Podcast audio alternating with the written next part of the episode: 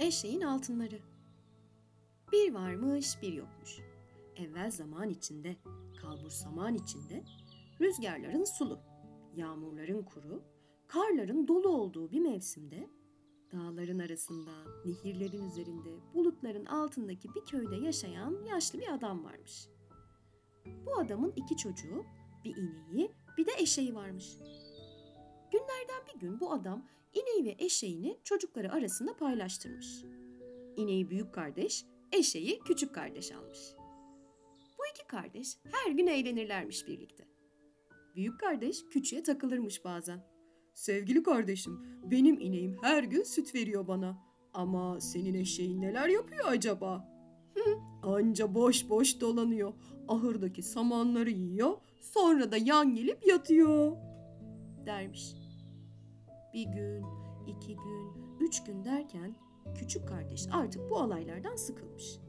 Ahırdaki samanların bittiğini gördüğü gün büyük kardeş yine böyle alay edince bu sefer pek içerlemiş, çok üzülmüş. Almış eşeğini karşısına. Git ve her bütüğünü altın bağlatmadan sakın geri gelme. diyerek zavallı eşekçiyi kovmuş.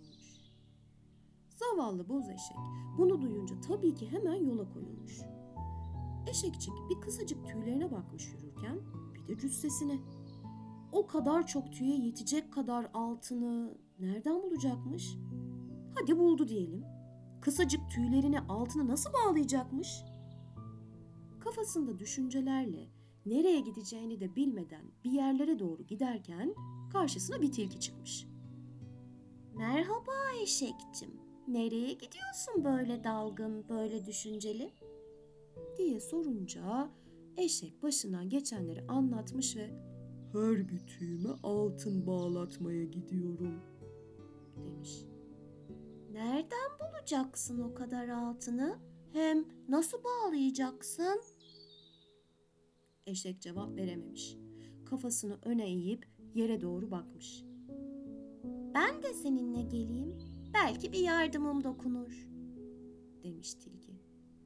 Sen biliyor musun o kadar altını nerede bulacağımı? Nasıl yardım edebilirsin bana? Hmm, Bir yardımım olur elbet. En azından yollarda yalnız başına olmazsın. deyince eşek bu teklifi kabul etmiş. Yolda olmuşlar iki kişi. Az gitmişler, uz gitmişler. Tam dereden atlarken karşılarına bir kurt çıkmış. Kurt da bu ikilinin nereye gittiğini merak edip sormuş. Eşek başından geçenleri bu sefer de kurda anlatmış. Kurt da meraklanmış.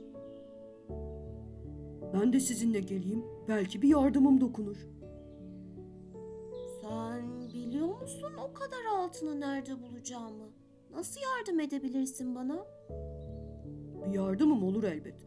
En azından yollarda iki kişicik olmazsınız. Deyince eşek bu teklifi kabul etmiş. Yolda olmuşlar üç kişi. Üç arkadaş az gitmişler, uz gitmişler. Dere tepe düz giderken karşılarına çıkan uzun, derin, gürül gürül akan nehri görünce kala kalmışlar. Nehir kirpikleri kaşlarına yapışana kadar gözlerini açmış bu üç arkadaşa nereye gittiklerini sormuş. Eşek anlatmış da anlatmış başına gelenleri. Nehir hikayeyi duyunca Ben de sizinle geleyim. Belki bir yardımım dokunur. sen biliyor musun o kadar altını nerede bulacağımı? Nasıl yardım edebilirsin bana? Bir yardımım olur elbet. En azından yollarda üç kişicik olmazsınız. deyince eşek bu teklifi kabul etmiş. Yolda olmuşlar üç kişi ve bir nehir. Eşek, tilki, kurt ve nehir az gitmişler, uz gitmişler. Dere tepe düz gitmişler, taşlıkları aşmışlar, ağaçları geçmişler derken bu kez de yolda arılarla karşılaşmışlar. Arılar bu dört arkadaşa sormuş. Nereye gidiyorsunuz? Eşekten her bütüğüne altın bağlatmaya gittiği cevabını alınca da çok şaşırmışlar. Arılar şaşkınlıkla vızıldamaya başlayıp Biz de sizinle gelelim. Belki bir yardımımız dokunur. demişler. Eşek siz Biliyor musunuz o kadar altını nerede bulacağımı? Nasıl yardım edebilirsiniz bana? diye sorunca Bir yardımımız olur elbet. En azından yollarda üç kişicik ve bir nehir olmazsınız. dediklerinde eşek bu teklifi kabul etmiş, yolda olmuşlar üç kişi, bir nehir ve bir arı ordusu. Üç kişi, bir nehir ve arılar az gitmişler, uz gitmişler, dere tepe düz gitmişler, vadilerden geçmişler, mağaralara girmişler, kayaları geçmişler. Bir akşam vakti tilki eşeğin yanına gelmiş ve Eşekçim ben çok yoruldum. demiş. Eşek de haklısın tilki kardeş çok yol geldik. Madem o kadar yoruldun gel karnıma gir ben seni taşırım demiş. Tilki eşeğin karnına girmiş. Bir gün daha yol gittikten sonra akşam olmuş bu sefer de kurt yorulduğunu söylemiş. Eşek onu da karnına almış. Sonra nehir ve arılar da yorulunca eşek kardeş ne yapsın? Onları da karnına almış ve yürümeye devam etmiş. Eşek bir oraya bir buraya bakına bakına yürüyormuş durmadan, yorulmadan. Yola çıkmasının üzerinden ne kadar zaman geçtiğini sayamamış bile. Sabahlardan bir sabah gittiği yol onu bir şehre getirmiş.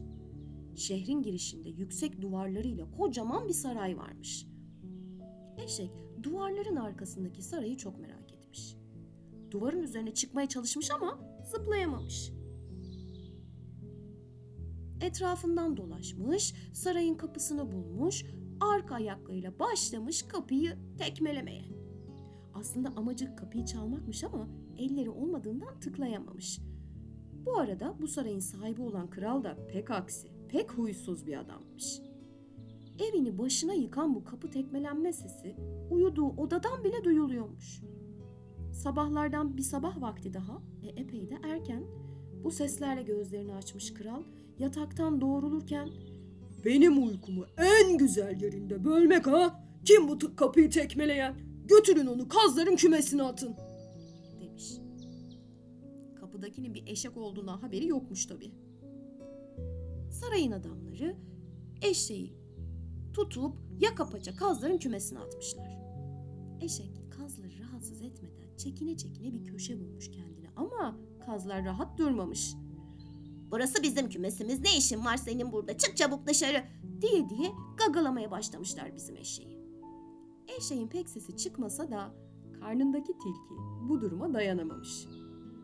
Gece vakti eşeğin karnından çıkmış, ham hum ham hum ham hum da ham hum bütün kazları yemiş tilkicik. Eşek de elini kolunu sallaya sallaya kaz kümesinden çıkmış. Etrafa bakınmış, onu kümese koyan adamları aramış gözleri. Ama bulamamış. Sarayın kapısını çaldım da gelmişlerdi hemen diyerek bu kez de kaz kümesinin kapısını çalmış arka ayaklarıyla. Ben yine kapıyı çalmış dedim ama yine tahmin edebileceğiniz gibi arka ayaklarıyla. Çifte atmış kapıya gümbür gümbür. Eşeğin gürültüsüyle gece uykusundan uyanan kral yine çok sinirlenmiş. Bak yine aynı ses. Kazların kümesine atmadınız mı bunu? Kaz kümesi yetmemiş demek. Götürün hmm, katırların ahırına atın.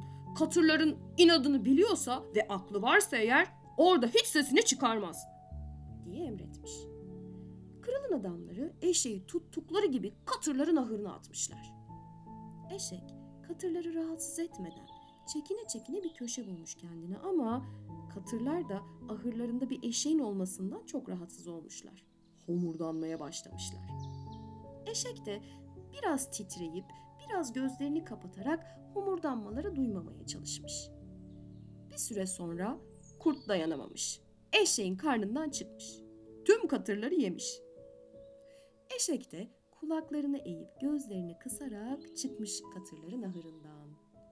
Kralın adamlarına bakınmış yine etrafta. Ama adamları ortalıkta göremeyince bu sefer de katır ahırının kapısını çiftelemeye başlamış.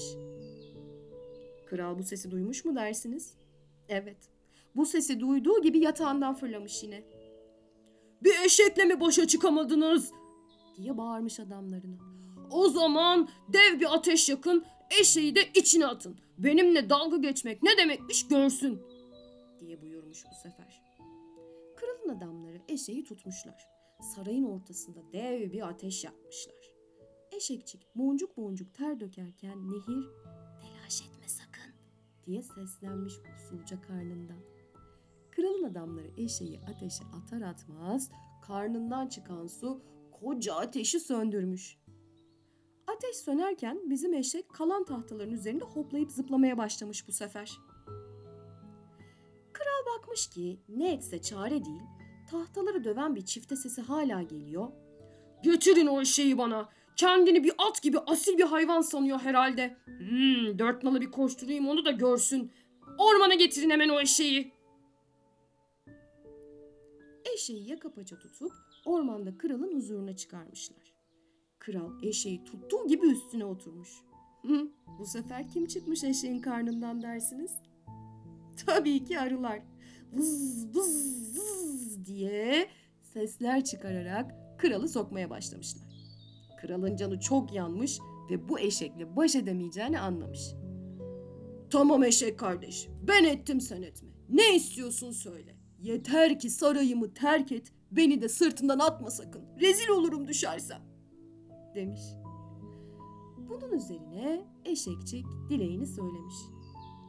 Kralım, her bir tüyümü altın bağlarsan ülkeni de sarayını da terk ederim. Sen de eskisi gibi huzurla yaşamaya devam edebilirsin." demiş. Kral ne cevap vermiş dersiniz? Eşeğin her bir tüyüne bir altın bağlanmasını emretmiş hemen adamlarına. Adamlar da ah vah demeyip bulmuşlar bir yolunu. Her bir tüye yapıştırmışlar altınları. Tüylerdeki altınlar tamamlanınca hemen yola çıkmış bizim eşek. Taşıdığı altınların ağırlığı bile kesememiş hızını. Şimşek gibi varmış evine. Evine varınca yine çiftelerek çalmış kapıyı. Bu kez çiftenin sesine altınların sesi de eklenmiş tabi. Eşek kapıyı çalmak için her çifte atışında birkaç altın da saçılıyormuş yerlere. Pırıl pırıl. Altınlar eşekten düşe dursun, gökten de üç elma düşmüş. Biri sana, biri bana, biri de bu masalı dinleyip başkalarına anlatana.